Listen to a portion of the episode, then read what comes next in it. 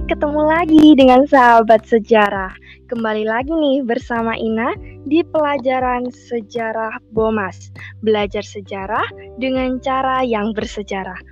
Nah, di episode sebelumnya kita sudah mempelajari mengenai manusia purba di Indonesia dan di episode kali ini kita akan mempelajari mengenai perang Tai dan perang Kuning. Seperti biasanya, Ina ditemani oleh guru sejarah kita yaitu Bapak Ali Murtado. Halo Pak Al. Halo Ina. Bagaimana Pak kabarnya hari ini? Alhamdulillah baik selalu. Alhamdulillah. Baik sahabat, perang Tai dan perang kuning ini bukan candaan atau penggabungan untuk hiburan ya. Namun, kedua perang ini benar-benar pernah terjadi di zaman kolonial.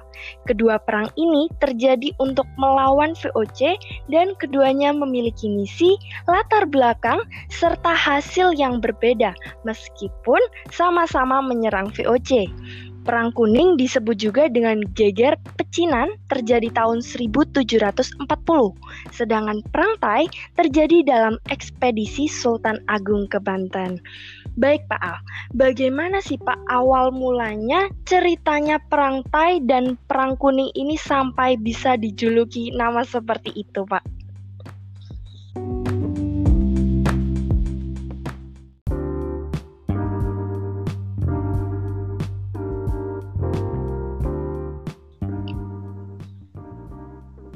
Oke. Yang pertama eh, penyebutanmu terhadap judulnya kurang kurang menjiwai ya. Perang tai gitu ya. Oh, salah ya, Pak. Eh, kurang kurang apa? Kurang greget gitu. Nah, oh gitu. Perang tai ini ya. bukan ini kan ada dua istilah tai kalau Thai itu merujuk ke Thailand itu biasa disebut orang Thai tapi kalau okay. Thai ya atau Tahi nah itu merujuk ke uh, kotoran gitu ya nah okay. perang Thai ini sebenarnya nggak ada ya perang terus diberi nama perang Thai itu nggak ada itu hanya sebutan dari setelah-setelahnya karena ada keterlibatan dari Tai di perang tersebut. Jadi seperti itu. Nah, yang kamu tanyakan tadi, kenapa kok sampai dijenengi seperti itu? Ya karena perang dalam lingkaran atau dalam programnya Sultan Agung. Sultan Agung ini Raja Mataram. Nama lengkapnya, eh, nama gelarnya Sultan Agung Hanyokrokusumo.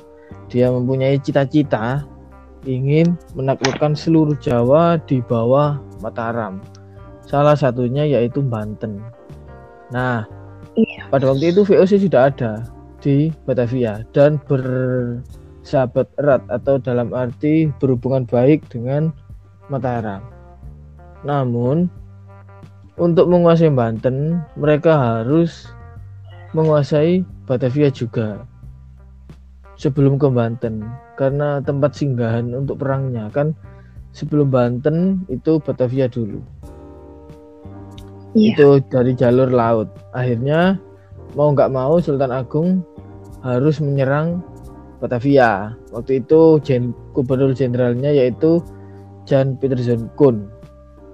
Nah kemudian uh, Sultan Agung ini menyuruh bupati adipati adipati e, kalau nggak salah adipati daerah Temanggung atau Kendal yang intinya bernama Temanggung Baurekso untuk memimpin pasukan ekspedisi menuju Batavia melalui kapal.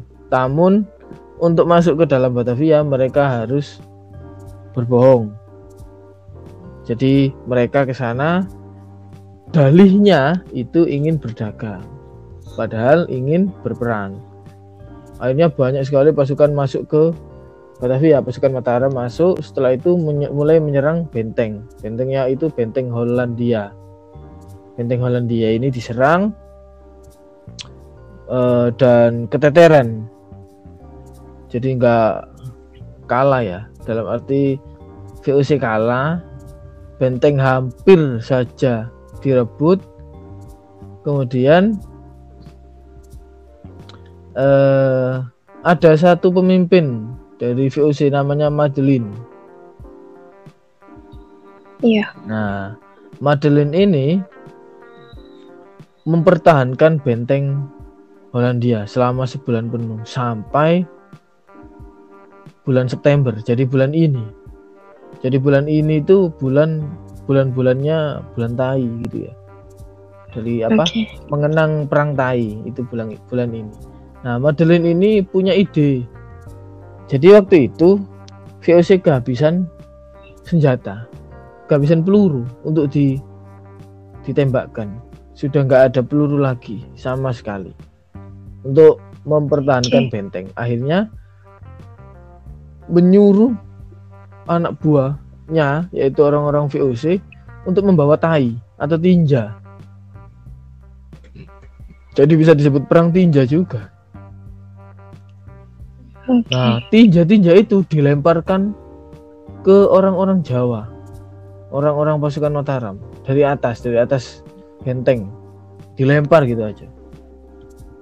Bayangkan ya, eh, perang dilempar tinja. Itu kan lebih ya memang nggak mati. Cuma ya nggak ada yang mau. Ya kan? Siapa yang mau Iya. berperang kemudian dilempari tinja? Itu kan lebih apalagi orang Jawa kan yang mencintai dalam arti mencintai notabene-nya mencintai apa eh, keindahan. Sehingga mereka lebih memilih dilempar batu daripada dilempar tai atau tinja. Nah itu makanya disebut eh, perang tai atau perang tinja. Jadi dari eh, pimpinan VOC yang bernama Madeline punya ide aneh untuk melemparkan tinja-tinja demi mempertahankan benteng Hollandia. Nah, untuk yang Sunan eh, untuk yang perang kuning ini berdasarkan nama dari Sunan Kuning. Nah, perang perang kuning ini perang terbesar di Jawa. Ini masih masih banyak versi ya. Ada yang menyebut perang terbesar melawan VOC itu perang Diponegoro. Ada yang menyebut perang eh, kuning ini atau geger pecinan. Nah, perang kuning ini dirujuk pada nama pemimpinnya waktu itu yaitu Sunan Kuning. Sunan Kuning ini Raden Mas Garendi. Dia memimpin Mataram. Nah, Iya. eh, dia yang memimpin untuk peristiwa geger pecinan atau perang ini. Jadi perang persatuan Cina dengan Jawa melawan VOC. Nah, kenapa kok kuning? Ya karena Raden Mas Garendi ini orang Cina atau orang Tionghoa. Nah waktu itu eh, kemungkinan besar ya eh, banyak anggapan untuk menyebut orang Tionghoa dan orang Jepang itu sebutannya itu orang kuning. Ini bisa di Iya. dirujuk pada ketika Jepang datang ke Indonesia itu kan berdasarkan ramalan Jayabaya itu ada orang kuning kecil yang akan datang ke Indonesia. Nah, jadi eh, Sunan Kuning ini dijuluki dikarenakan dia itu pemimpin Mataram berdarah Tionghoa. Jadi eh, ada perbedaan eh, dari yang tadi perang Tai itu disebabkan alatnya alat perangnya yaitu tai atau tinja. Kalau perang kuning ini disebabkan dipimpin oleh eh, Raden Mas Garendi, Raja Mataram bergelar Mangkurat lima ya. Eh, Iya. Yaitu menjadi Sunan Kuning dan juga perangnya ini perang Cina. Jadi perang kuning begitu Ina. Oke, Pak. Perang Tai dan Perang Kuning ini terjadi itu diakibatkan faktor-faktor apa, Pak, sebelumnya? Eh, kalau kalau perang Tai ya di Iya. deklarasi penggunaan tai kan gara-gara kehabisan amunisi itu kalau perangnya eh kalau perang tai sendiri diakibatkan oleh misi Sultan Agung untuk menyerang Banten jadi kemudian mereka menyerang eh, Batavia tepatnya yaitu benteng Hollandia kalau perang kuning atau geger pecinan ini perbedaannya sekitar 80 tahun dengan perang Tai. Ketika perang Tai itu 1680-an Masehi, kalau geger pecinan atau perang kuning ini 1740-an. Jadi dari 1740 sampai eh, 1743 lah, 43 44 gitu. Nah, kalau geger pecinan ini diakibatkan oleh pembantaian besar-besaran orang Cina di wilayah Batavia juga. Jadi keduanya ini memiliki persamaan yaitu terjadi diakibatkan di Batavia. Bedanya kalau perang eh, Tai itu perangnya di Batavia, kalau perang kuning di seluruh oh di titik-titik di seluruh tanah Jawa. Jadi nggak hanya di Batavia saja.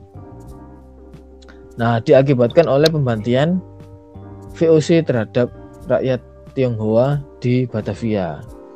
Sekitar 10.000 orang lebih orang Tionghoa dibantai. Kemudian lari ke wilayah Semarang, wilayah Jawa Tengah, kemudian wilayah Lasem.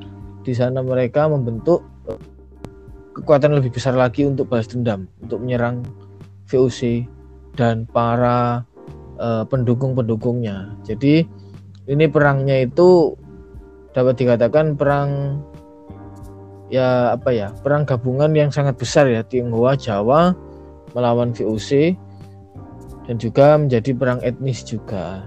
Nah, jadi ada ada perbedaan sebab atau latar belakang di situ.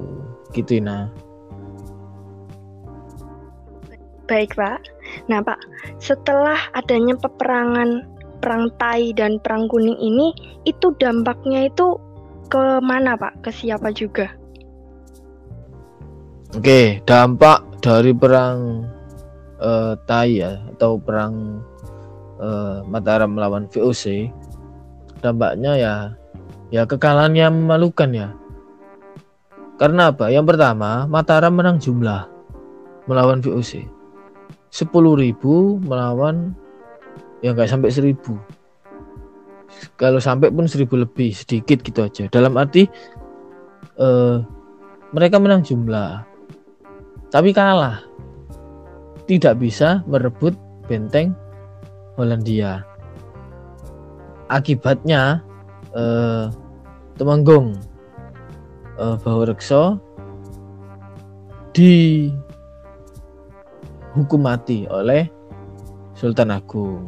Itu itu akibat akibat dari personalnya. Akibat dari perangnya itu Mataram eh, kalah kemudian mereka menyerang mencoba menyerang kembali kemudian kalah lagi menunjukkan bahwa Mataram tidak bisa menguasai Batavia dan misi untuk ke Banten tidak tercapai untuk menaklukkan Banten.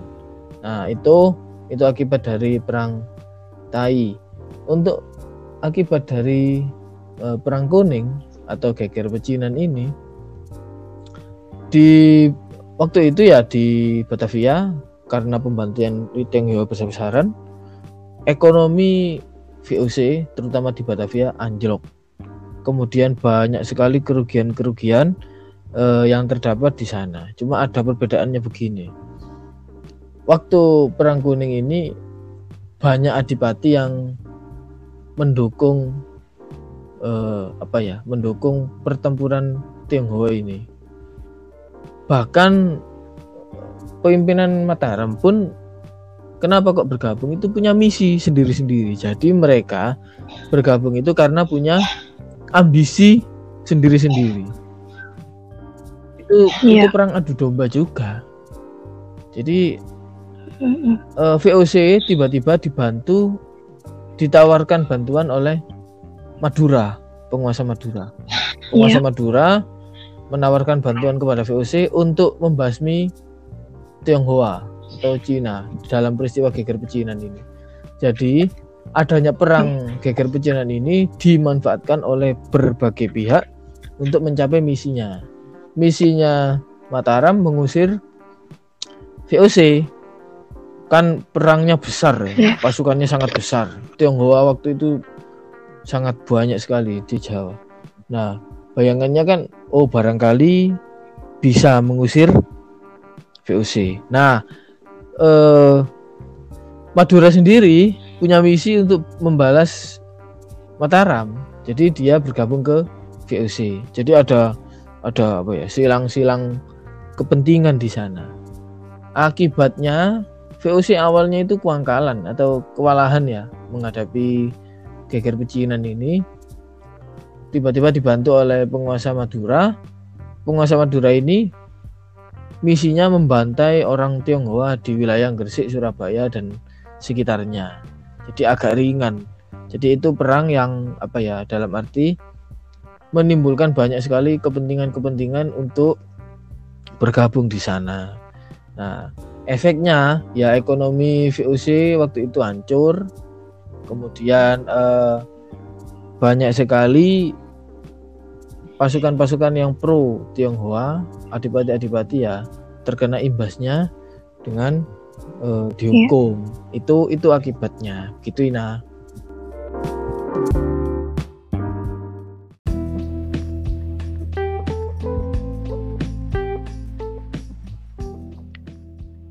Oke Pak, udah jelas banget.